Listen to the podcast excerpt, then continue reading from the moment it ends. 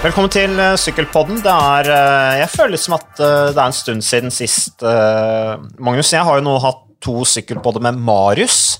Ja, og han har jo sin stil, som Ja. er veldig artig. Ja. Men, men mens, mens, mens. Marius, mens Marius er liksom mannen for de litt store ord og de litt liksom store trekkene, eh, så er vi litt mer sånn vi er litt mer sånn vi går i de små ting, da, og henger oss opp i sånne detaljer som er egentlig helt håpløs, kanskje nølete for veldig mange.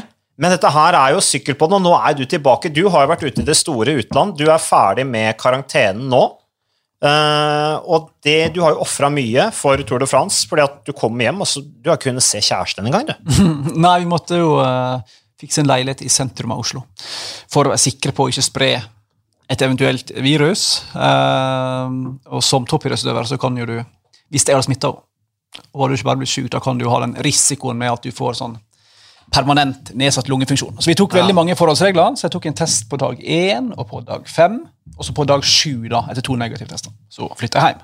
Men Gavira ser jo ikke ut til å ha hatt noe sånn nedsatt lungefunksjon. Han har jo hatt covid-19 og har vunnet sykkelløp etterpå. Ja, det er sant. Eh, men det er ingen regler uten unntak. Eh, og vi tar ingen sjanser, altså. Nei. Nei jeg, er, men, jeg er egentlig ikke det. men hvordan var Tour de France? Nå er du tilbake. Eh, det var veldig gøy, det må jeg si. Eh, veldig annerledes. Eh, frustrerende på den måten at vi satt på veldig lite informasjon. Det skinte sikkert gjennom i løpet av sendingen òg. Vi hadde veldig lite å, å komme med for å være litt streng med oss sjøl. Ja, du var veldig kritisk på skjermen. jo, men det, jo, det var litt sånn, vi, vi fikk jo aldri snakka med noen. så det var liksom, Hva skjer i Frankrike? Så står du der og sånn Nei, det vet da søren, jeg. Jeg vet ikke hva som skjer. Nei. Så um, det var frustrerende, men vi var veldig gøy på tur. Og jeg er fortsatt nesten i sjokk over at jeg klarte å gjennomføre det. Mm. Uh, og at ingen ryttere blir smitta, er jo nesten for godt til å være sant. Det er ingen som vi vet om, i hvert fall. Nei. Litt som med doping. Det er det, da. Ja. Uh, spørsmålet er jo hvor åpent det er. Men um, Nei, det var egentlig veldig gøy. Ja. Så var ritt, eh, var sånn terningkast fire. Var ikke det? En rel relativt bra Tour de France.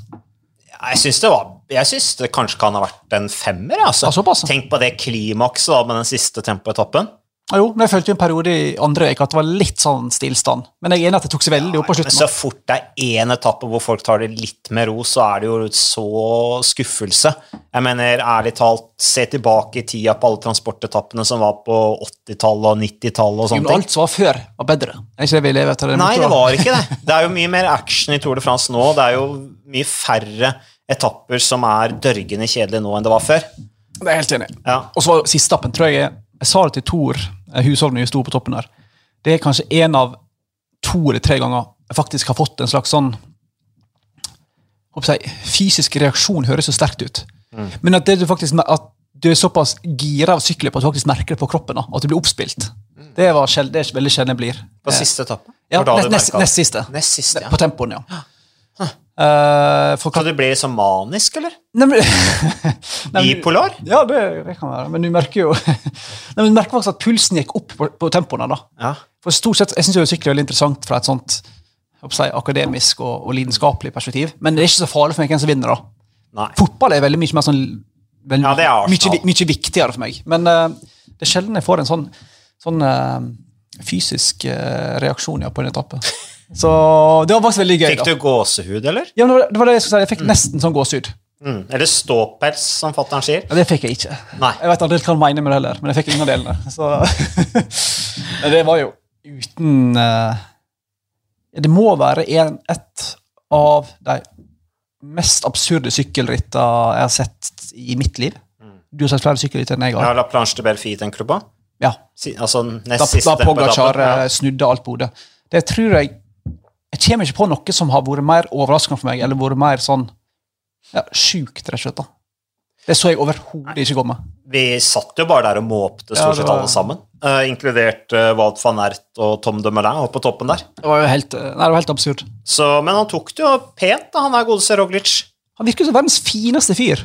Det, det er så merkelig. Det er så, det er Det var stort, han, altså. men det er typisk sykkel.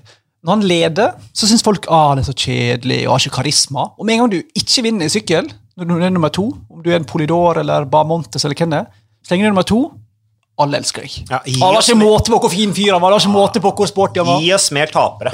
ja, sant? Det er sant, steg jo vel bemerkelsesverdig masse i popularitet de 24 timene fra lørdagen til søndagen der. Roglic. Ja, men han viste jo utrolig storhet. Absolutt. Han framstår jo fra helt annen, mykere Så han hadde jo ikke trengt å løpe bort der og kaste seg rundt halsen på Bogasjar? Absolutt ikke. Så nei, det var stort. Eh, men eh, apropos, vi må jo bare ta den diskusjonen eh, etterpå. Så har det vært mye diskusjoner rundt Jumbo Visma, taktikken deres. Eh, og de styrte jo det løpet som om de skulle vært Team Injos eller Sky i storhetstida. Eh, og kontrollerte i front, hadde stålkontroll. Tilsynelatende gjorde de alt riktig, men de ble kritisert voldsomt av bl.a. Eddie Merx. Hva tenker du om det? Først så tror jeg vi må legge sånn munnbind på Eddie Merx, Roger de Flamink, Mm. eh, såtemelk og et par av sånn i nå, ikke minst. Ja, sånn munnbind som gjør Ja. at du ikke kan snakke. Ja, bare, Eller bare slutte å intervjue dem. Jeg er så drita lei av de Flamink, Merx og Inå spesielt, som alltid sier at alt var bedre før, og de unge som er opp nå, er ikke like gode som vi var. Og hvis noen blir kalt den nye Merx eller nye Inå eller nye De Flamink Nei, nei, ikke i nærheten. Jeg, er ikke drit, jeg er så lei denne kritikken som kjenner herfra, for det er så surmaga, og det er så usaklig. Ja, men Vi i media vi, vi er jo helt avhengig av dem, for de skaper jo overskrifter. Det er jo Jo. ingen andre som gjør det. Men altså, du kan bare gå til De Flamink han, kan, han kan mene noe om uh, Berlinmurens fall, eller Edvald Boasen Hagens utvikling, eller uh, Erna Solberg. Han vil Ja. garantert levere overskrifter. Men jeg blir, jeg blir så matt. Og jeg mener at Å kritisere Jumbo Visma for måten de kjører på Jeg mener det er helt skivbom. Jeg. jeg vet ikke hva du tenker, men jeg mener at her hadde de full kontroll, og ingen, og jeg mener ingen, ikke engang Pogacar sjøl, hadde forutsett det som skjedde på siste etappen. Du kan ikke gardere deg for alle mulige ting i en idrettskonkurranse. Og at La oss si da, la oss si at Roglic sa gikk tom for krefter da, siste dagen, nest siste dagen. Ja, Men han ble jo nummer fem. Han var, Jo. Hvor langt etter var han Dumoulin? Jeg, jeg, 36 jeg er sekunder? enig. Det er mer det at Pogacar var for Ja. god enn at Dumoulin, nei, enn at uh, Roglic skuffa. Men hvis han var litt tom på siste dagen Jeg vet ikke om det har vært sånn kjempelurt å bare angripe i villen sky i dagene i forkant heller. Nei. Altså, Da kunne det gått enda verre. Ja, men Kolda Los så angrep de jo. Ja, skjønner- klarte ikke å henge med Roglic der. Roglic kjørte jo alt han hadde for å få avstand på Pogacar for å sikre seg tid. Mm. Det var ikke sånn at han tok den seieren der for gitt hvis han bare satt sammen med Pogacar og knuste han på tempoen. Han angrep han jo. Akkurat. Men det var bare at Pogasjar han kjørte utrolig bra gjennom hele rittet. Han, han beholdt roen, han tapte ikke noe særlig tid. Selv om han, han, han fikk jo brynt seg på Gashar også, det var bare at han var så hinsides sterk på den siste altså, Nei, jeg er helt enig. Så jeg, jeg ser ingen feil i Jumbo Visma. Nei, så de får godkjent, de kjørte veldig bra. Ja, eh, gjorde alt rett. og det var et bittert tap for de, altså. De hadde faktisk nesten fortjent den seieren, etter min mening. Ja, De var så overlegent til beste laget. Og jeg mener, Så- UAE var jo ikke et veldig bra lag, for å være helt ærlig. Altså, De hadde jo ingen rundt Bagasjar. Ja, nei, det var... De La Cruz var litt sånn skadeskutt. De hadde, Formål å røyke ut Ja. der, og men Pollank var Ah, kanskje litt der. Mm. Eh, men ellers kan de kan jo bare takke høyere makter for at ikke Pogacar fikk trøya. Ja, akkurat når du mister Aru og formålet, så er det jo tynt, da. Nei, så det var jo ikke Selmas lag han hadde, men um, Nei, jeg bare nei, Nei, For folk som bare skal kritisere for kritikkens skyld, Mm. sånn som Eddie Merckx holder på av og til, jeg, jeg klarer nesten ikke å bry meg. Syns du ikke det er deilig at uh, disse syk- sykkelekspertene i TV 2 ikke har hatt sånne utfall? Din far har jo kanskje Ja, men ikke, Han har ikke kritisert Jumbo Visma. Nei, nei, Jimbo Visma, nei, nei, nei. Absolutt ikke. Så Og han satt vel som alle oss andre bare og gapte ja, over dette her. du kan ikke gardere mot sånne ting. altså. Og det som du sier, det var mye mer en overprestasjon av Pogacar enn en, en dårlig prestasjon av Roglic. Han ble som du sier, nummer fem på den tempoen. Det er ikke kollaps, det. altså. Han var, han var litt under paret, og så Pogacar ekstremt over paret. Og da Ja da, nei da, men vi, spekuler, vi spekulerte jo litt om det i forkant der med det, nasjonale mesterskapet i Slovenia, hvor Pogacar hadde vunnet, men det var med åtte eller ni sekunder. ja, Og det var liksom bare bakketempo. Det var liksom bare rett i motbakke, det. Så, Men vinner Roglic Vuelten, eller? Ja, det er jo litt overraska over å se at han sto på startlista der. Jeg har liksom ikke helt mentalt begynt å forberede meg på det, for her kommer jo sykkelløpene som ja, så på ei fjøl, liksom. Uh, og nå var det jo rett inn i klassikerne. Vi hadde Flesh Vallon i går. Uh, jeg så jo først eh, damenes uh, ritt. Eh, jeg har vært hjemme med ungene, og det har vært høstferie, så eh, Men jeg fikk jo se Anna van de Breggen da ta sin sjette seier, da. Eh, Det er jo mildt sagt imponerende foran Cecilie Utrup Ludvig og Demi Wollering. Eh, Og så vant jo Mark Hirschi, eh, som det hadde vel du faktisk vedda penger på, hadde du ikke? At han skulle vinne? Jo, jeg begynte å vedde masse penger i, Ja, denne, i denne karantenetida. Så penger på, jeg vant penger på Lakers i natt. Mm. Spiller litt på tennis nå og sykkel. Jeg hadde penger på Hirschi. Mm. De ga meg ekstremt høye odds på at han skulle bli topp tre. Og det mente jeg var jo helt opplagt at han kom til å bli. Så da tjente vi litt der. Tok den seieren relativt enkelt, Hirschi, i flashballon uh, i første Ja, forsøk. men så, 22 år gammel! ja, men, Tredje yngste i historien. ja, Se på ansiktet hans underveis. der da. Både i bakken og rett etter mål. Han er jo knapt uh, andpusten. Nei, Helt- men det brenner nok bra i beina på Ja, ja, det, jeg sier ikke at det, altså, det er bare, Men det var påfallende at han er såpass um, minner meg litt om en, en del av disse her, uh, Uten sammenligning for øvrig, en del av disse her, kenyanske løperne som selvfølgelig like sliten som alle andre, men som ikke ser sliten ut. Ja. Har en sånn uh, grimase som gjør at du ser helt uh, uprega ut. Eh, apropos, eh, jeg nevnte han tredje yngste i historien. Han er den første sveitseren som vinner uh, Flash Volant siden Ferdi Gubler i 1952. For dere av- lytterne våre, jeg tror ikke det er mange som er så gamle at de har et forhold til Ferdi Gubler. Har du et forhold til han? Ja, Ferdig Kybler tror jeg vel for veldig mange Kybler mener jeg selvfølgelig. Unnskyld. Jeg tror mange damer i Sveits har et forhold til han. Vant Damer i Sveits? Ja, jeg tror det. Ferdig Kybler var jo uh, Han og Hugo Coblet. Mm. Og uh, var jo liksom den store duoen fra Sveits på seint 40, tidlig 50. Så vant jo de hver sin tour i 50 og 51, om jeg ikke husker helt feil. Uh, og de var meget populære hos damene, spesielt Hugo Coblet, som var en sånn her um, Han var vel kanskje datidens Hvem er liksom damemagneten i sykkelfeltet? Hvem er Jeg, jeg kan Jeg vil ikke si Cipollini, for Cipollini var mer, han er mer sånn harry dame. Cipollini var jo veldig Jo, men han er mer sånn alfamann. Altså, ja. ja, han var player så til Ja. grader. Så jeg mener, Coblet han var mer sånn elegant med brylkrem og um, kom ofte i, Han tok ofte med seg sykkelsko i sånne skinnvesker. Sånn du tok ikke med en sportsbag. eller noe. Han var veldig sånn opptatt av det. Så han og Kybler det var jo to av de største legendene i, i uh, sykkelsporten. De hadde jo Og- class i gamle dager, da. Ja, Ja, men eh, ikke Jacques Anquetil hadde jo alltid med seg dressen til Tour de France. På hviledagen så grillet han og røkte. Som, Altså, som, han som, røykte som, en, ikke, han som en legende skal. Han røykte. Han røyker ikke. Da hadde han alltid grill, grillfest da, på hviledagen. Men er det ingen som har vunnet Flash Run siden Ferdig Kybler? altså?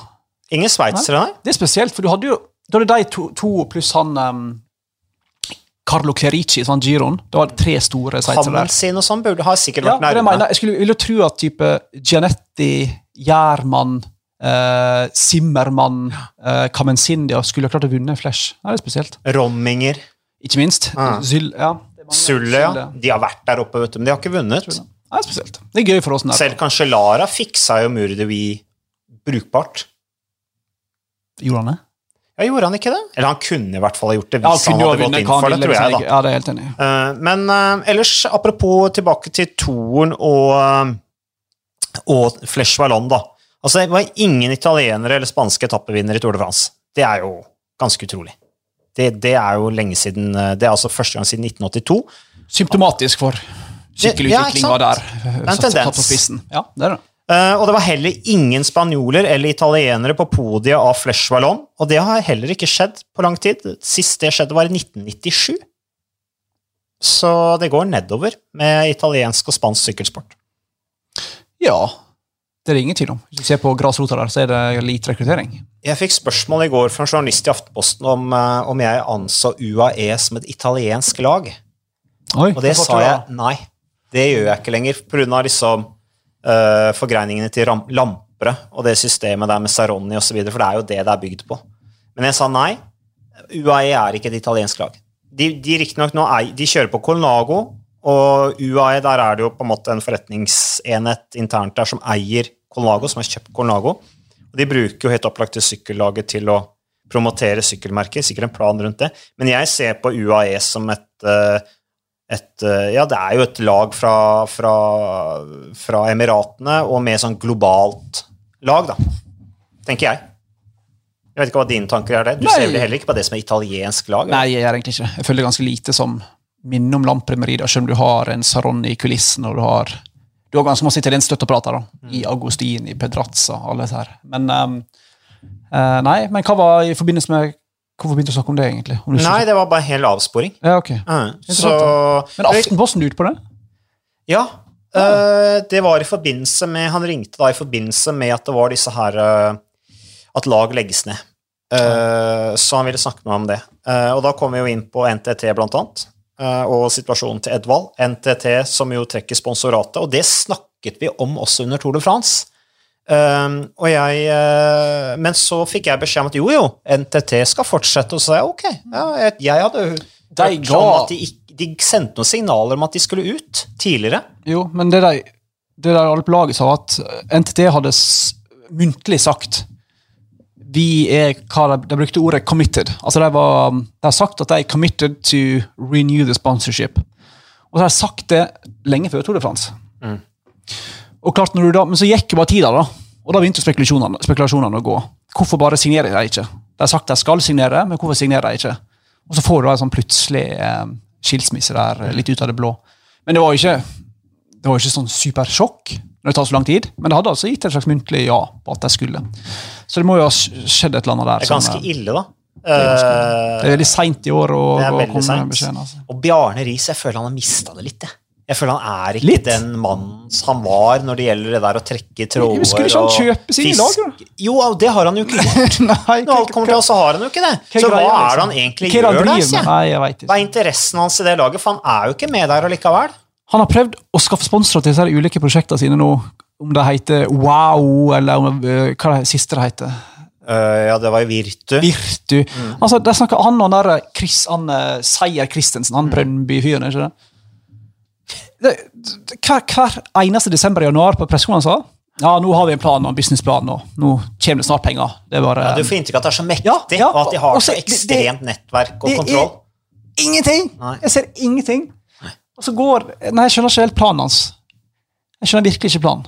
Men, uh, Men det blir, det, det blir jo luftslott, da. det blir det. Og igjen så skulle han jo kjøpes inn, ble jo sagt. Og 30% av laget ble jo sagt. Ingenting av det har jo skjedd. Nei. Så, og det er Velux-vindu-sponsorat mange snakker om. Det tror jeg heller ikke var noe særlig bygd på noen realiteter. Nei, for det, du, Først fikk du inntrykk av at han ville ha ut NTT så fort som mulig for å få inn Velux, med tanke på Tour de France-starten i København, som nå blir flytta til 2022. At det var liksom den store planen, og at han hadde stor interesse bak seg i forhold til det. Men nå ender vi opp med at hele det laget sannsynligvis legges ned, da. Ja, for det er, altså, En ting er om et lag kan finne sponsor for neste sesong, men noe annet er jo som en del folk vet, det er jo sånne datoer som det internasjonale forbundet har satt. Så det er ikke sånn at de kan holde på å lete etter sponsor fram til februar. Neida, De må men- registrere seg innenfor en del visse tidsfrister, så det er ganske dårlig tid. Men UCI er jo tilbøyelig til å bøye litt på de fristene. Ja, de fristene er til for å brytes også. det er det. Men hvis du begynner å lete nå, som jo virker som er faktisk er fakta her, så uh, kanskje skjønn... Jeg kanskje skjønner at det kan gå. Vi, vi er i oktober allerede, liksom. Så um, Det er uh, krise. Definitivt krise. Hva gjør uh, Edvald og Kampenarts og Gasparotto og Rasmus Tiller og Mentjes og Trenger ikke å ta alle på en gang, men uh, la oss ta Edvald først, da. Hva gjør han? han har jo ansatt seg en ny manager, eller en agent, øh, som en del sikkert har fått med seg. Så det også omtalt i, i uh, Pro Cycling. For et par, to-tre uker tror jeg. Om jeg ikke helt feil. Så Ja, det, Andrew McQuaid. Andrew McQuaid Ja, Sønnen til Pat McQuaid, tidligere UCI-presidenten. Er? Er det sønnen? Ja, sånn. Det er sønnen. Ah, ja. Så Trinity, Trinity Sport Management, eller hva det Mm. Stort uh, selskap som har veldig mange engelskspråklige ryttere. Uh, ble litt, litt kjent i TV 2 da han geleida Rowan Dennis ut av Tour de France i fjor. når han gikk side om side med, side med han der. Uh, har veldig mange klienter på type EF, Ineos, Mitchelton, engelskspråklige lag. Pidcock har han også. Ja. Uh, så det er naturlig å se i de banene. da. Men sånn jeg har forstått det, så er markedet veldig vanskelig. Det er jo helt åpenbart. Det er jo inflasjon. Når en haug med lottoryttere plutselig leder markedet, eh, hele NTT, eh, hele CCC, eh, for å nevne noen. Så han, der prøver vi å selge han inn hos ulike lag, uten store napp enda. Men snakka senest i går med Jeg forstår at eh, det er i enkelte lag som ikke har lukka døra. da. Blant annet da et Israel-lag som ikke har lukka, døra for Edvard. Men det begynner med å bli ganske fullt i Israel. Altså, Det er det, men det har de nok- må det har noen plasser igjen. 70 ryttere på kontrakt snart. Det har noen plasser igjen. Ja. Og så er de jo glad i å ansette folk som er litt opp i, litt opp i åra. Om jeg kan si det med Edvald. Han er 33 nå, jeg skjønner. 87-modell. De har jo en Impi som er enda eldre, en Froome som er enda eldre, en Greipel som er enda eldre, en Demarki, en Martin. De er ikke nødvendigvis de som går etter de yngste rytterne. Og de sa vel at det var fortsatt plass der, eh, så det var et alternativ. De går Men, etter eh, rutinen, de. men det tar vel, han finner seg et lag, det gjør han. Mm. Spørsmålet er vel mer Mats, om hvor masse han kan kreve i lønn. Ja, men jeg tenker at for Edvard sin del, altså det er jo ikke noe hemmelighet at han er ganske loaded, for å si det sånn. da. Altså Han har mye penger på bok. Det var så mange sånne engelske pengeuttrykk. ja, det var jo Forrige gang så lærte jeg deg hva dette her med bull bull og bear er, ikke sant? At bullish Jeg tror pull and bear er et klesmerke. men det er Nei, bullish, altså okse, ikke sant? Ja. Mm. Uh, at det er liksom at du hauser noe opp, da. Bullish, at du har tro på noe. Uh, men uh, men når det gjelder Edvald, så har jo han mye penger. Han har jo gjort seg opp en gedigen formue. Han er flink til å Ja, sånn at eh, han er sikkert god for en 70-80-90-100 millioner kroner.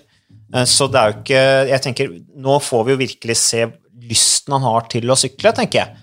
Eh, for det er vel ikke pengene som er det viktigste. Han, han, han kunne jo gått til et lag og sagt du, jeg trenger ikke så mye fastlønn som gir meg minimumslønna, så jeg kan liksom dekke de faste kostnadene mine. Hva mener du med minimumslønn? Ja, altså jeg tenker jeg for hans del 500 600 000, da. Det, det er en Så lavt, ja. ja, altså, og også si at så får jeg en bra bonusavtale på toppen av det. Gi- Gilbert har jo brukt, gikk jo inn i quickstep på den måten der, ikke sant? Og vinner jo masse. vel ikke nede på 500 000 kroner? i året? Nei, jeg sier, ikke, jeg, jeg sier ikke at det var det han fikk i lønn, men han gikk inn på et lavt utgangspunkt Ja på fastlønn i forhold til å være han og i forhold til hva han fikk i BMC, Mm. og så har han, han en bra bonusavtale. Uh, og det sånt liker jo Lefebvre, ikke sant? Patrick Lefebvre, som er manageren i Quickstep, og så vant jo da Gilbert med en gang Flandern rundt og gjorde det kjempebra, og han casha sikkert inn på det, da. Så jeg tenker at det kunne vært en god løsning for Edvald òg. Si som jeg, jeg skal ikke ha så mye fastlønn. Trenger knapt noen ting. Eh, og så, men så får jeg en bra bonusavtale hvis jeg vinner store ritt. Men er det penger, ideelt for en lagspiller som Edvald? Ja, altså tenker på hvis han skal ofre seg og kjøre hjelperitt og sånne ting? han er jo ganske god på og han er jo på alle lag han har vært, får alltid høre om Edvard at han er alltid villig til å ta en for laget, og ikke egoistisk. Vil han få nok igjen for en bonuskontrakt? Han, vil jo ofte, han hjelper ofte folk, like ofte folk til seier som han vinner sjøl. Du skjønner? Ja. Nei, jeg tenker at eh, Edvard har gjort det bra han, eh, når han har spilt med andre i forhold til eh, seier, og han har hatt mye vinnere rundt seg når han har hatt mye suksess også. Så jeg tror det kunne gått fint. Men det er klart at hvis, for et lag, hvis de går inn for å få en hjelperytter, så kan jo sikkert Edvard være en bra mann, men han er jo ikke den typen. Det er jo ikke sånn han utvikler seg. Hvis du skal utvikle Edvard, så må, jo, så må han jo på en måte få muligheten til å utvikle seg som en vinner, tenker jeg, eller å finne tilbake til det vinnerinstinktet sitt. Og da tenker jeg en bonusavtale vil være bra i kombinasjon med selvfølgelig å, å hjelpe lagkamerater som eventuelt er bedre enn han der og da. Altså Han bør jo sykle på en måte litt sånn Jeg sier ikke at Sunweb er et lag for Edvald, men på en måte en, en type Sånn som de gjør det litt i Quickstep, da. At de har mange ryttere som deler litt på det, og, og, og angriper er offensive. Eh, Det tenker jeg kunne vært bra for Edvald. Edvald er jo ikke en hovedspurter lenger, men han kan sikkert kjøre gode opptrekk, særlig hvis han har et samspill med andre og er på et lag hvor de har for Du husker jo hvor god Edvald var når han er på lag som er store lag. Det er da han er bra. Eh, Sånn som for eksempel High Road. Kjempebra, ikke sant? De oste jo av selvtillit. Med Greipel og Cavendish og Hinkapi og, og hva det nå het, alle sammen. Da, da var Edvard kjempegod. I Sky. Han var kjempegod. Han var en del av en vinnerkultur. Da blir også Edvald bra. Men når han er i et lag hvor han skal være liksom uh, klippen, da, eh, og, og liksom stolpen i laget, så er han ikke så god. Det er mitt inntrykk, i hvert fall. Betyr det at du mener at han ikke burde gått til et bare for å ta noen tilfeldige navn opp av hatten. Ikke et uh, Vanti, Grop, Gobert eller Uno X, hvis det var aktuelt? For da blir den store fisken i en liten dam. I hvert fall ikke Vanti grop. Nei, Det Nei det var bare et, men et, et slags sånn and, nivå to bruk, bra pro- pro-lag, da. Nei, jeg, altså, det kunne sikkert vært interessant for han å gått til Uno X, eh, og det kunne sikkert vært et skup av Uno X også, fordi at det gir jo mye oppmerksomhet. Det blir helsider i, i media, ikke sant, og mye oppmerksomhet. Eh, Og så er det klart at eh, det kan også føre til eh, lettere kanskje å få noen invitasjoner til noen enkelte ritt, for det er jo litt sånn på det nivået der. Og så er det klart at Edvald vil sannsynligvis vinne en del, da, på, litt, på, på, på en ritt på litt lavere, lavere nivå, og så har han jo erfaring hvis de blir invitert da til store ritt. For eksempel, jeg så Jens Haugland, sykkelsjefen, som jo er manageren i det laget, sendte en melding nå ikke sant, om at ok, Vantigrop kjøper lisensen til CCC. Da er det ett lag mindre på nivået under World Tour. Da er det en plass ledig. Vi vil gjerne sendte han en, en, en Twitter-melding til Flandern Classic, altså de som arrangerer disse vårklassikerne Flandern rundt osv., om at vi vil gjerne ha en invitasjon dit. Det er klart at for å ha med Edvald da, det, det, vil jo være bra. Han blir jo da en road captain.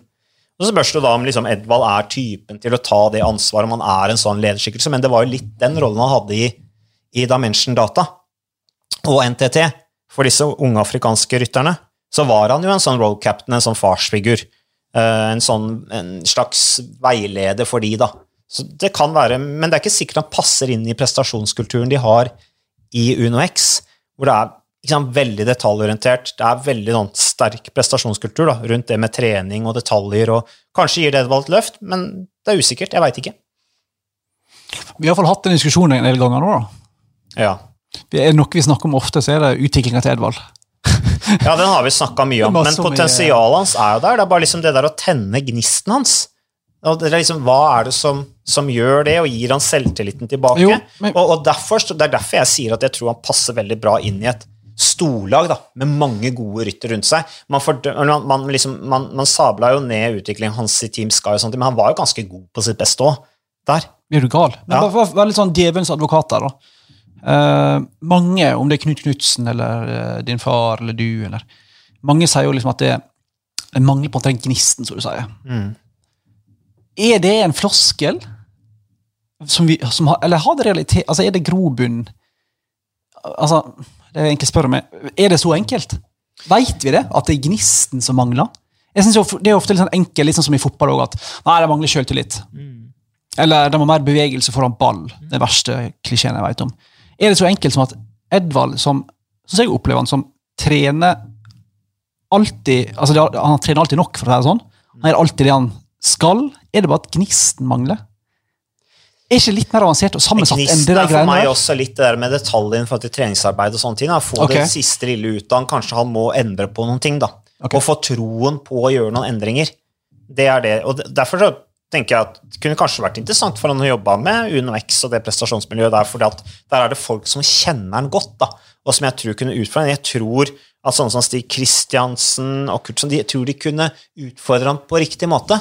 Eh, så, så det, er, det, er, en spennende tanke, det med UnoX, men, men det, det, det, spørs jo liksom eh, litt lysten. For jo, jeg vil jo tro at det er litt sånn begrensa hvor mye UnoX har tenkt å bla opp for å ha nå i forhold til det han er vant til å tjene. Da. For det er jo et lag som i utgangspunktet ønsker unge, sultne ryttere som er mer ute etter muligheten til å få konkurrert på det nivået enn å heve inn høye lønninger. Ja, så er det en prinsippfast gjeng, da. Og det skal du ha kred for. Det er jo ikke et lag som plutselig bare ja, vi smeller ut fire millioner i året til én litt eldre rytter som ikke passer inn med filosofien. De er jo ganske nøye på hvem de ansetter og hva slags steg de tar. Så det var det jeg sa til også, Eh, Haugland om dagen at jeg er glad at dere ikke bare eh, Nå når NTT forsvinner. Da tok jo CCC Nei, det tok jo um, Vanti, Sirkus Vanti Grop, som det heter, tok jo da kjøpte lisensen til CCC og ble et World Tour-lag. Mm. Jeg, jeg, tror det er bra at vi ikke er der at UnoX holder på sånn. Skjønner du hva jeg mener? Mm. Bare plutselig få et innfall, og så kaster vi oss rundt, og så uh, mister litt identiteten på veien. da. De gjør ting ganske sånn nøye. Så Eh, jeg vet ikke hva poenget mitt var, men poenget mitt var vel at Jo, det er jo det er en prinsippfast gjeng på den måten at de vil jo ikke bare hente inn Alex, Edvald og Karl i Hagen på store millionkontrakter fordi det plutselig passer seg sånn. Uh, så det er litt som du sier, Edvard må i så fall kjøpe deres filosofi mm. mer enn motsatt vei. da. Mm.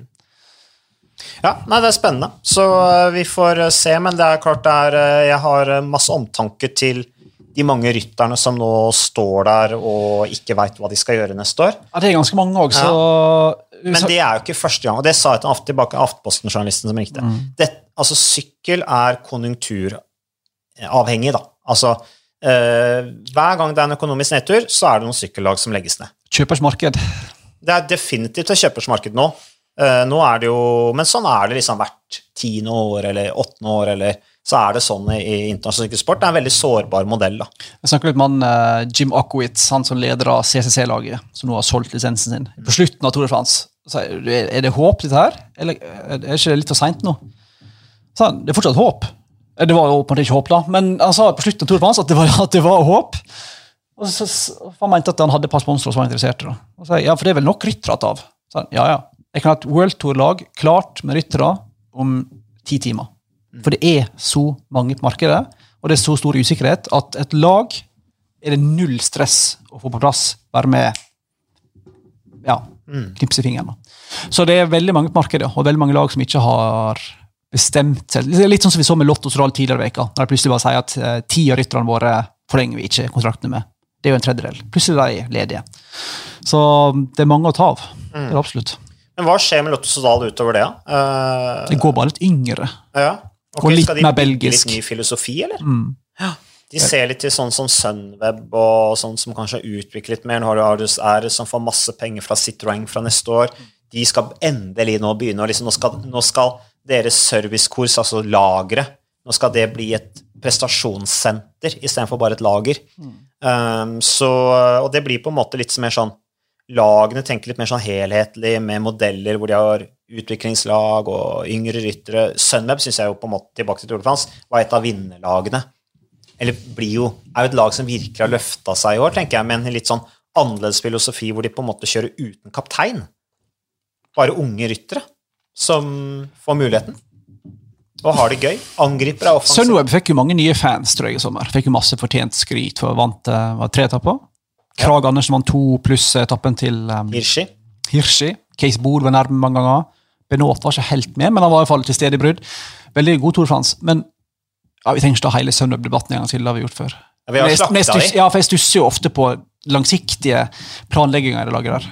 Men nå har de tydeligvis en suksess fra øyeblikket, i hvert fall. da. Så får vi se hvordan det går i giroen, der Matthews og Samomen og Kellermann og alle gutta som skal ut av laget, skal eh, liksom uh, sykle for dem i giroen. da. Røkla. Røkla som ikke ønsker meg videre. Uh, spent på lagfølelsen i den gjengen. Men det får vi snart vite. Det begynner på lørdag. Giroen.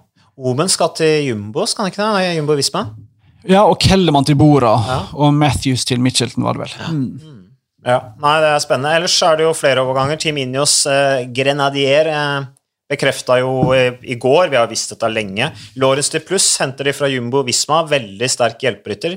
Um, som, uh, blir, uh, som kommer til å gjøre en veldig bra jobb der, tror jeg. Uh, Daniel Martinez, vinneren av årets kriterium Dauphiné, colombianeren i F Education, går til Ineos. Tom Pidcock, som jeg nevnte, han er kanskje det største britiske sykkelhåpet nå. Uh, i uh, fremdeles eller i kjølvannet da av Chris Room og disse storkanonene, og ikke minst Garen Thomas. Tom Pidcock som ble nummer to i sykkelcross-VM bak Matthew van der Poel uh, i år.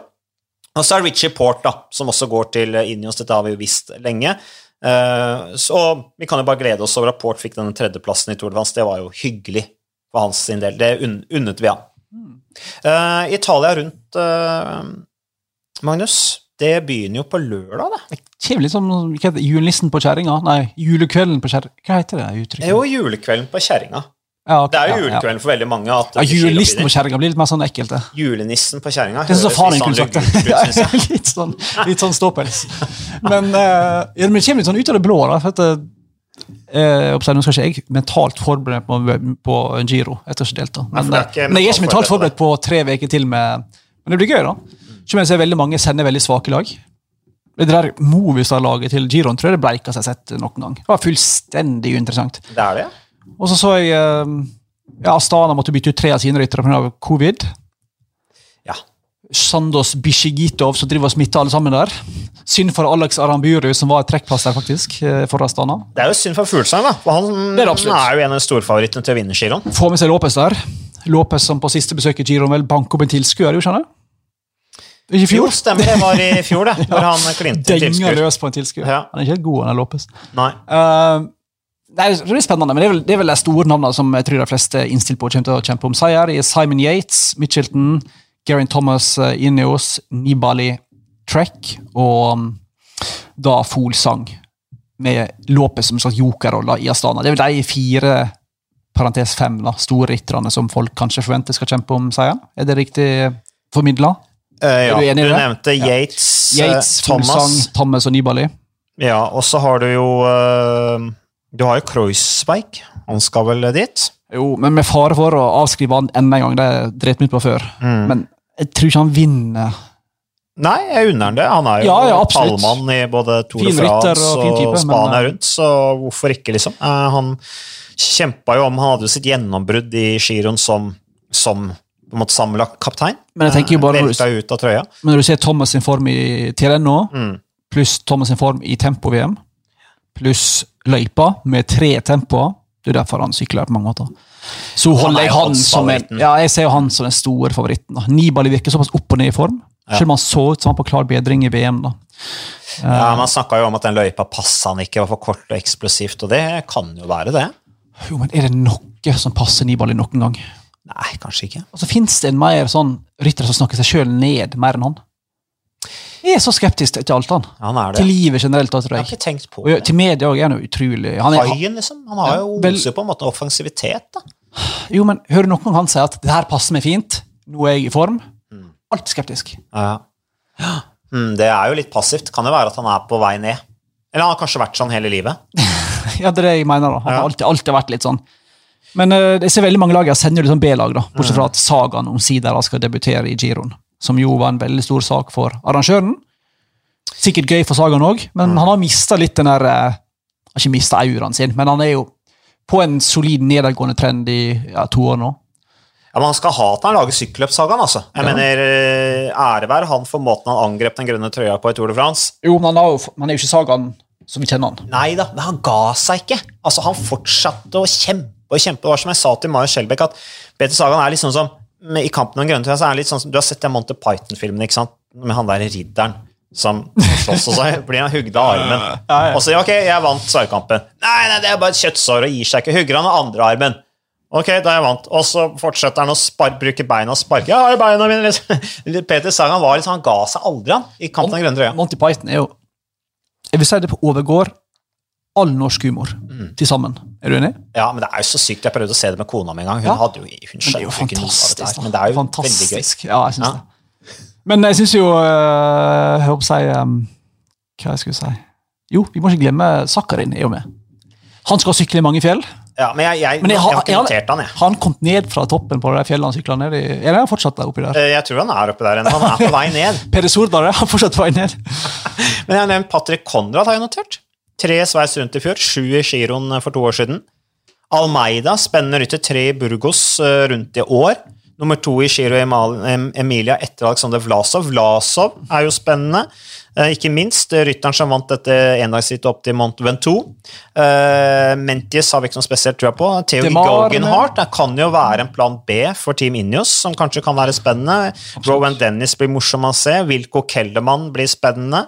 Uh, uh, Brandon McNulty har jeg faktisk uh, litt trua på. Han liker seg i Italia. Ble jo nummer to i Nei, vant jo Cecilia rundt i fjor og ble nummer to i uh, U23-VM i Bergen i 2017. Og så har du finnen, da. Jakko Hanninen. I og med at Ja, er, det er liksom mulighetenes sykkelløp, tenker jeg, giroen i år. Det er det. Og så har du to uh, spennende norske innslag i uh, Tobias Foss, som så bra ut i uh, Ungarn rundt, der er vel siste han sykla sånn etappe dit. Det er en stund siden nå, det ja, det er en stund siden nå, men det er vel siste etappe ditt hans. Og Carl Fredrik, som vi selvfølgelig har store forventninger til, etter åttendeplassen i Vueltaen i fjor. Men det er vel ikke til å komme under en eh, Hva heter det? Jeg, surrer som sier uttrykka. Komme under en stol, holdt jeg på å si nå. Det er ikke til å stikke under en stol. Stikke under Å stolen. komme under en stol. Det hørtes i hvert fall Ja, det ut. ekkelt ut. Eh, men det er ikke til å stikke under en stol. Uff a meg. Eh, Det var tungt. Eh, I dag har du en veldig tung dag, Magnus. Ja, jeg, mer jeg merker jeg sliter med vokabularet. Karoline flytta inn når du var i Tour de France, ja, og Ja, gjorde all jobben. ny leilighet, og alt, Ja. alt er bra. Du slapp å gjøre en tøddel, Men du. merker at det er lenge siden du har vært på jobb, da. Fra Ja. lenge nå. Så du vil Men tenke, føler du at du er på jobb når du sitter her med meg og spiller nei, det er det jeg mener. Det blir bare surr. Så jeg er ikke Ja. helt påskrudd, da. Ok, men Så du mener at jeg distraherer deg? Nei, men bare at jeg sa det er så rolig eh, atmosfære, og Ja. ikke noen deadlines. Endelig eller- slapper du av. Ja, ja. Ja, men, Men det syns jeg er veldig fint at poeng- du gjør det. Ja, det er bra. Men poenget er vel at Karl Fredrik har vel ikke vært i sånn kanonform i siste. Nei. Verken i de franske etappene han sykla tidlig på tidlig på sensommeren, eller i VM nå, eller Så hvor han er i løypa, det har han sikkert litt bedre kontroll på enn det vi har. Får håpe han er litt i, i slag.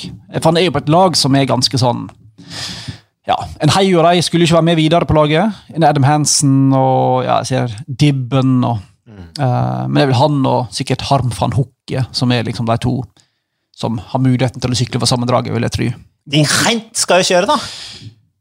Ja, han var jo en gedigen nok en gang, en gedigen Tour-managerskuffelse i Tour de France. Åh, det var Ja, der tapte de masse poeng, altså. Ja, Men vi må jo bare lære oss at hvis Thomas Gent ikke får kjørt disse 100 rittene sine før Tour de France, så er han ikke så bra. Ikke? Han må ha masse konkurranser, han. Så jeg tror han kan bli bra i giroen. Ja, så blir det spennende å se Tobias Foss hvor masse han kan, hva jobb han kan gjøre for uh, Krausvik. Um, ja. Spennende lag for UAE. Du nevnte jo McNulty med dagen, Gaviria, du har en Ulisse, du har en Bjerg. Uh, Mikkel Bjerg blir spennende å følge med på tempoene der. Fordi at Mikkel Bjerg uh, vet vi er tre ganger U23-verdensmester i tempo. Uh, unikt tilfelle. Kjører jo på UAE, eh, men ble slått av Andreas Leknesund i VM i Imola, på tempoen der. Og Mikkel Bjerg, hvis han herjer høyt der oppe på tempoetappen i giroen, så er det bare å si at ja, hvis Leknesund hadde vært der, så hadde han gjort det vel så bra. Tenker jeg. det er sant. Enkel forskning tilsier da at Andreas Leknesund ville gjort det minst like bra. Er du med meg på den? Jeg er helt med på den. Ja. Jeg synes Mikkel Bjerg er en fyr som kanskje Såpass sjåvinistiske må vi være. Ja, jeg synes han kunne tjent litt på å fokusere litt mer på andre ting enn bare tempo òg. Mm. Jeg syns det er langt mellom høydepunkter. For all del, han er fortsatt ung og lovende og alt sånt. Men jeg syns jo, jeg synes Ja, jo han har et potensial som Det kan vi liksom ikke si lenger i sykkelsporten. Du At du er ung og nei, trenger tid si. på seg. Nei, men Han er jo fortsatt Han er jo Han er bare 22 21, men han er tre ganger U23-verdensmester. Jo. Så Men jeg altså- mener at han Jeg føler at han har et enormt potensial. Jeg håper han ikke fokuserer kun på tempo framover, men at han òg dyrker litt de eh, vant vel vant han der eh, Triptyque de Moy Chateau i fjor? altså han, han kan være en god etapperytter òg. Det var egentlig bare et slags håp om at han satser litt bredere enn bare tempo. Han har ikke noen særlige resultater i år. eh, Nei, men nå er- det jo liksom ja. År er jo året hvor Ja, litt spesielt år, da. Men han har hatt et sånn relativt uh, tungt uh, første år som proff, uh, Mikkel Bjerg. Så, um, så vi får bare unne han, eller ønske han lykke til i giroen.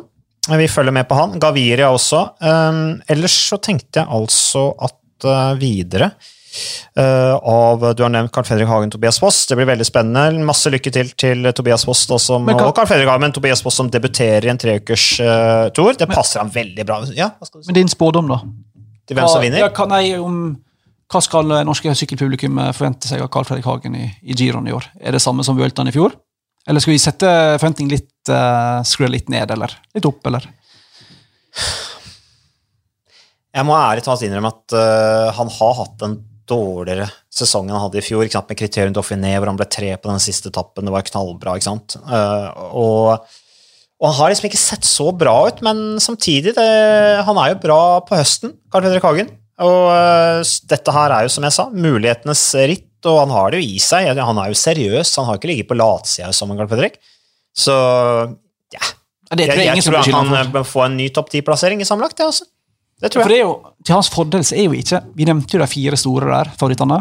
Pluss en del sånn wildcard som Keldermann, Omen, Miguel Ángel Lopez, Zakarin. Men det er jo Det minner meg litt om Vuelta-feltet i fjor.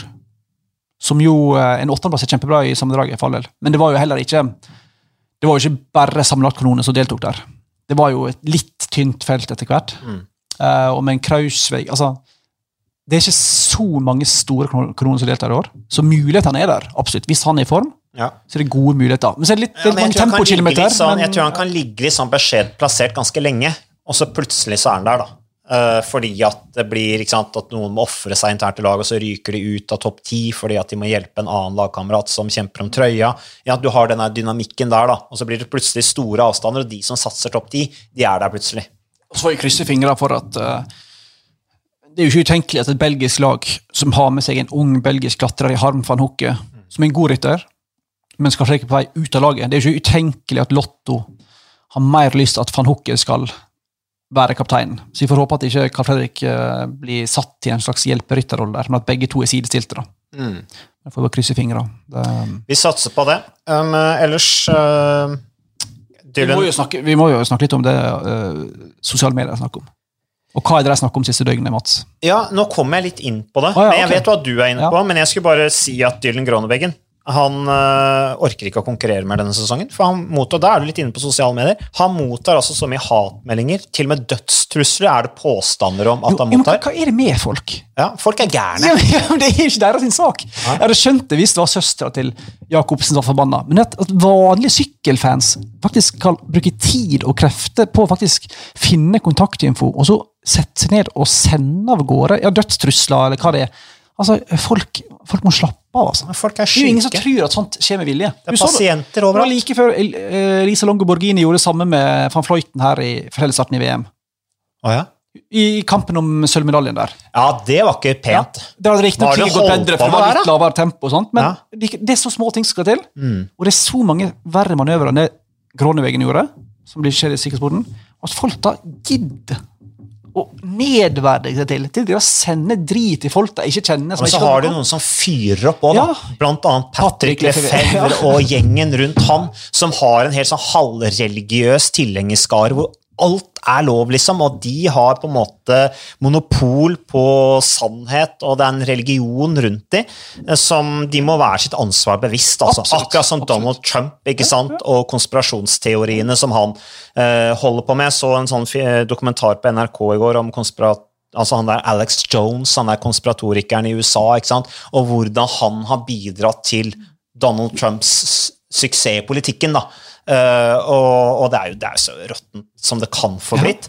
Eh, Og- og, der fikk vi en veldig god overgang til det du skulle inn på når det gjelder sosiale medier. Ja, nei, det var egentlig bare for å minne oss på at vi ikke trykker på av-knappen før vi har snakket om uh, Queen Simmons sine Nei, jeg har ikke notert det, men det må vi snakke om. Uh, meget uh, betente sak, Mm. som vel Jeg tror det er viktig å, å, å først for De fleste har sikkert sett overskriftene nå, men jeg tror det er viktig å få fram at han er ikke suspendert fra laget sitt fordi han stemmer Trump, som jeg ser enkelte insinuerer. Det er jo ikke det som er problemet her.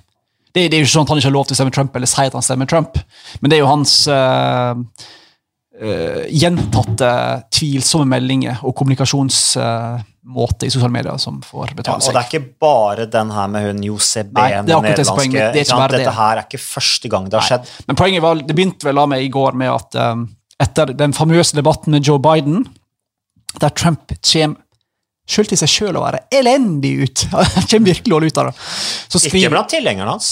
De elsker det. nei, nei. Chloe Diger er vel fan der, tror jeg. Ja, Så var vel fornøyd. Men um, da var det vel et par sikkerhetsjournalister som eh, i god 2020-ånd skal mene noe om alt, da, som skriver at, um, at uh, hvis jeg har følgere uh, som stemmer Trump, så kan dere bare avfølge meg. For sånne folk som står for sånne holdninger, vil ikke ha noe med å gjøre. Folk står selvfølgelig fritt til å mene det, eh, uten det skjønner helt poenget. Men uansett da, så skrev da flere dette her, i alle fall hun der, eh, José Behn og Neil Rogers. Det er mange som var inne på samme stien der. Og da svarer han bare med bye med ei mørk vinkehand, en emoji, mørk uh, vinke-emoji.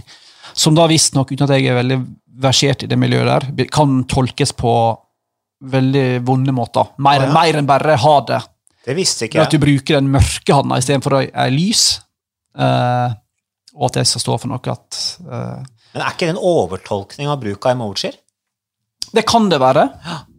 Men det kan også- det kan også være Meldinger til for å misforstås, liksom. Jo, det kan godt hende. Men det er jo noe med måten han uttrykker på så over tid her, som gjør at en kan tenke at det kanskje ikke var tilfeldig. Um, uh, og han eh, så Peter Flax, en tidligere sånn sykkeljournalist, og fikk jo glatte lag av Simmons. Og Simmons har også tatt til orde for Han er veldig skeptisk til korona.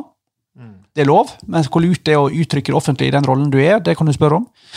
Han har han skjelt vel ut disse her eh, Williams-brødrene. Uh, Corin, er det han heter. Williams.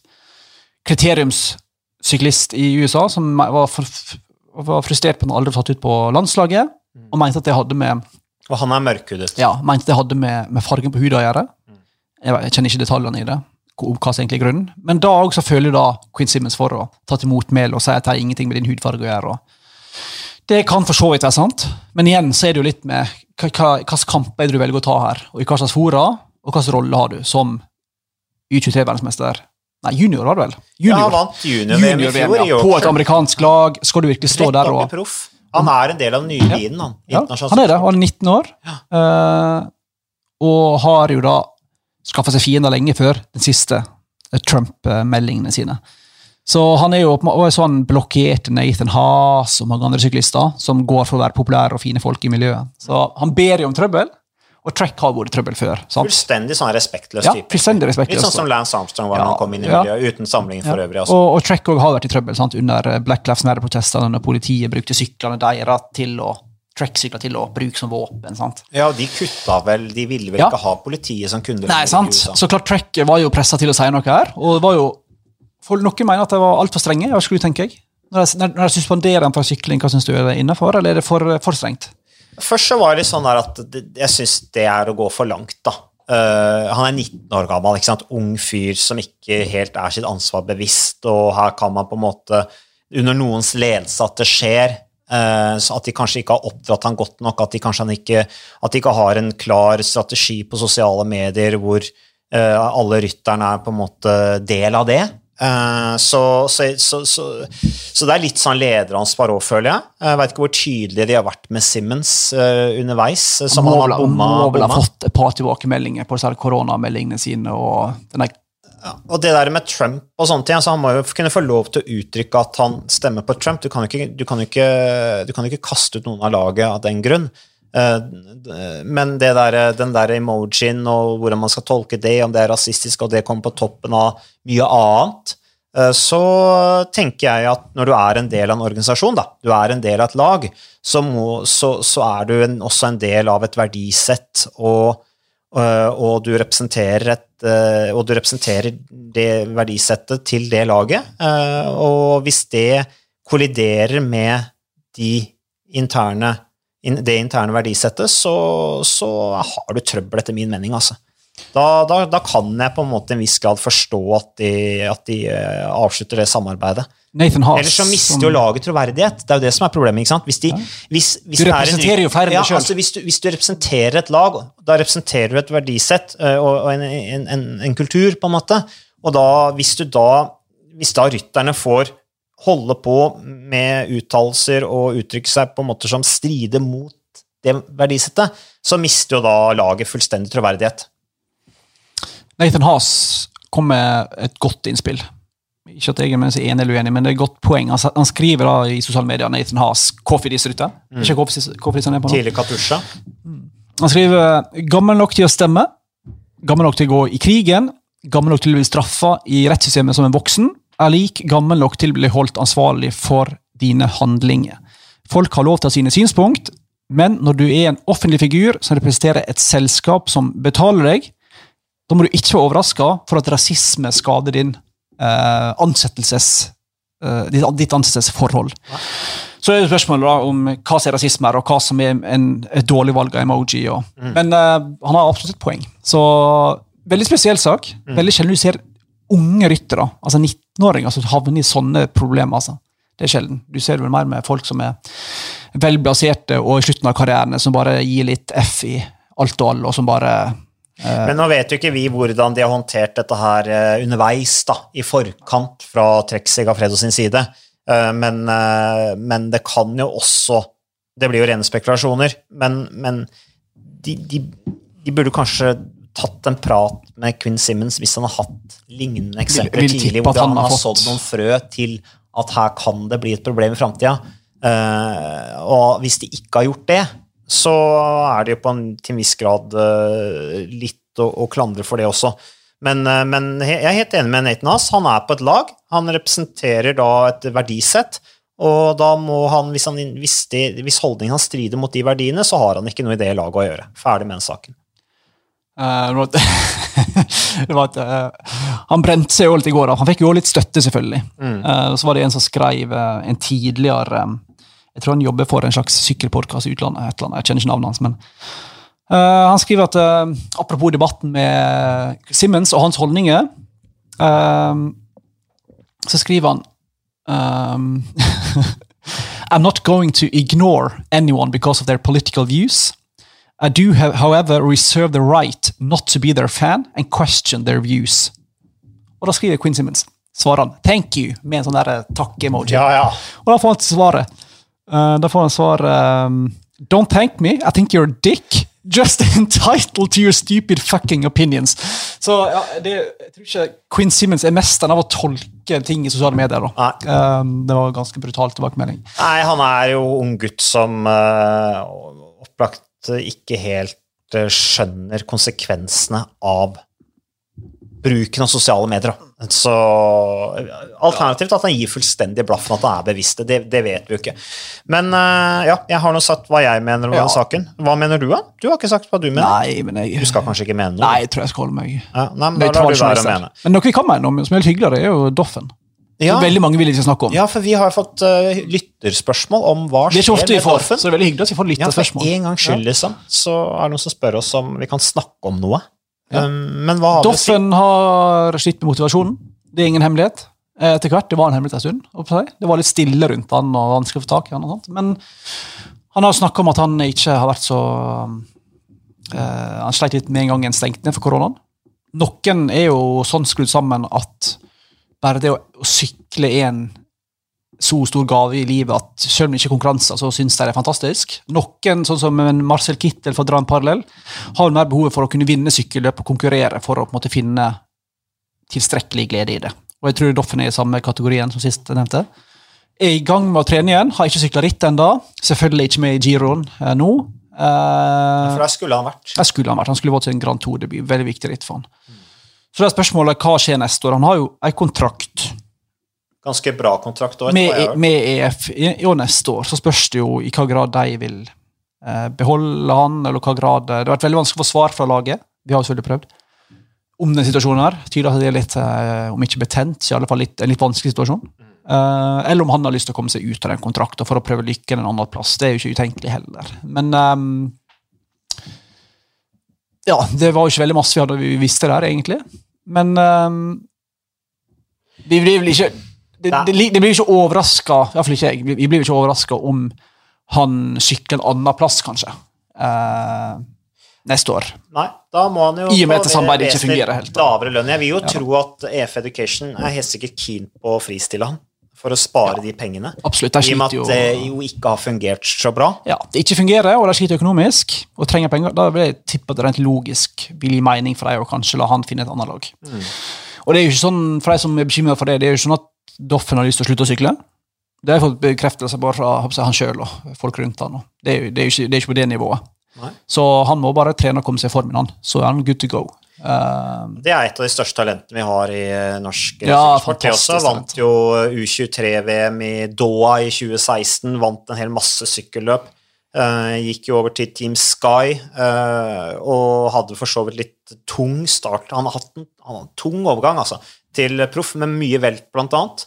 Eh, så det har nok vært litt frustrerende for Doffen. Jeg, jeg, han trenger å Jeg tror han kunne hatt godt av å komme til f.eks. Uno X, da hvor han er en del av et trygt norsk miljø, hvor han har, han har jo hatt suksess i norske miljøer tidligere. og min, min tolkning er at han, han trenger å vinne sykkelritt. Mm. relativt hyppig for å uh, utvikle seg videre. Mm. Jeg tror han er en av de som trenger å kjenne på følelsen av å, å lykkes inniblant, og ikke bare Det er ikke alle som kan sette seg en sånn uh, dårlig parallell, kanskje, men eh, Alexander Kristoff karrierevei da, og si at om seks år skal jeg være der, det betyr at jeg skal slite i fem år nå. Jeg tror ikke nødvendigvis Doffen er samme typen. Nei.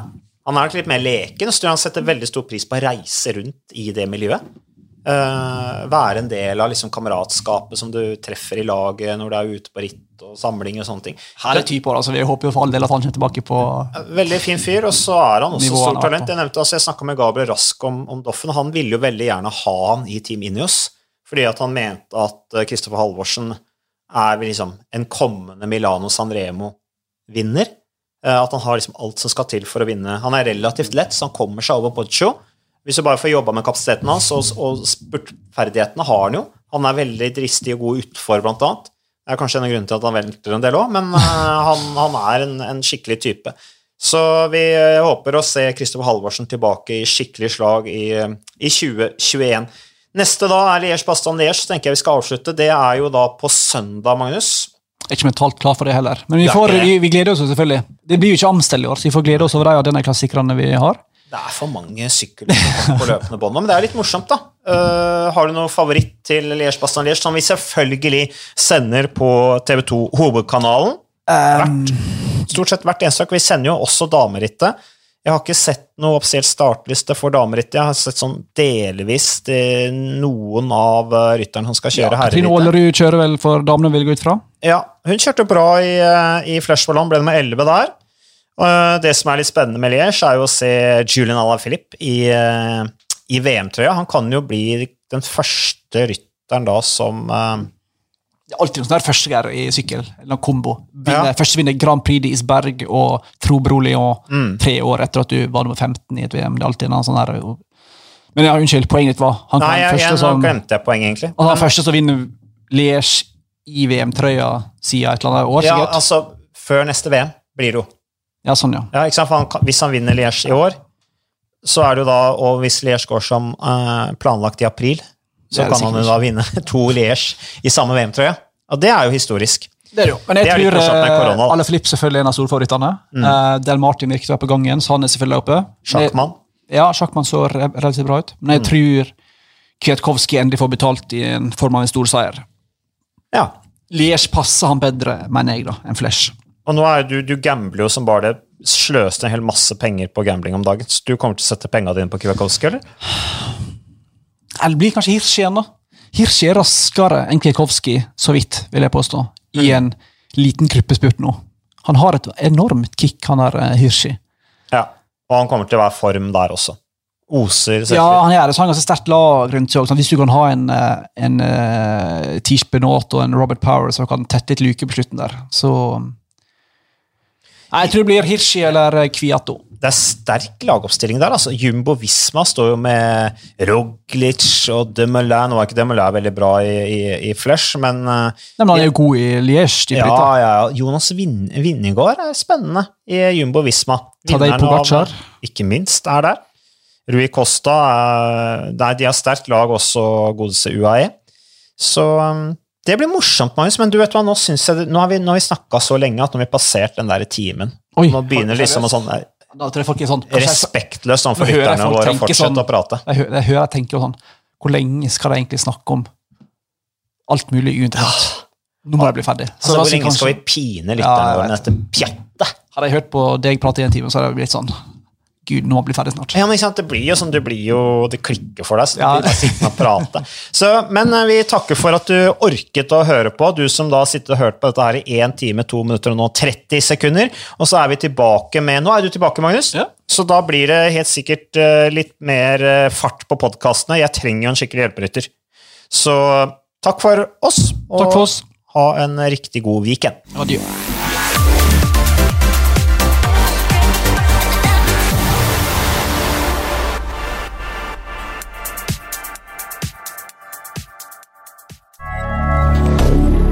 Moderne media.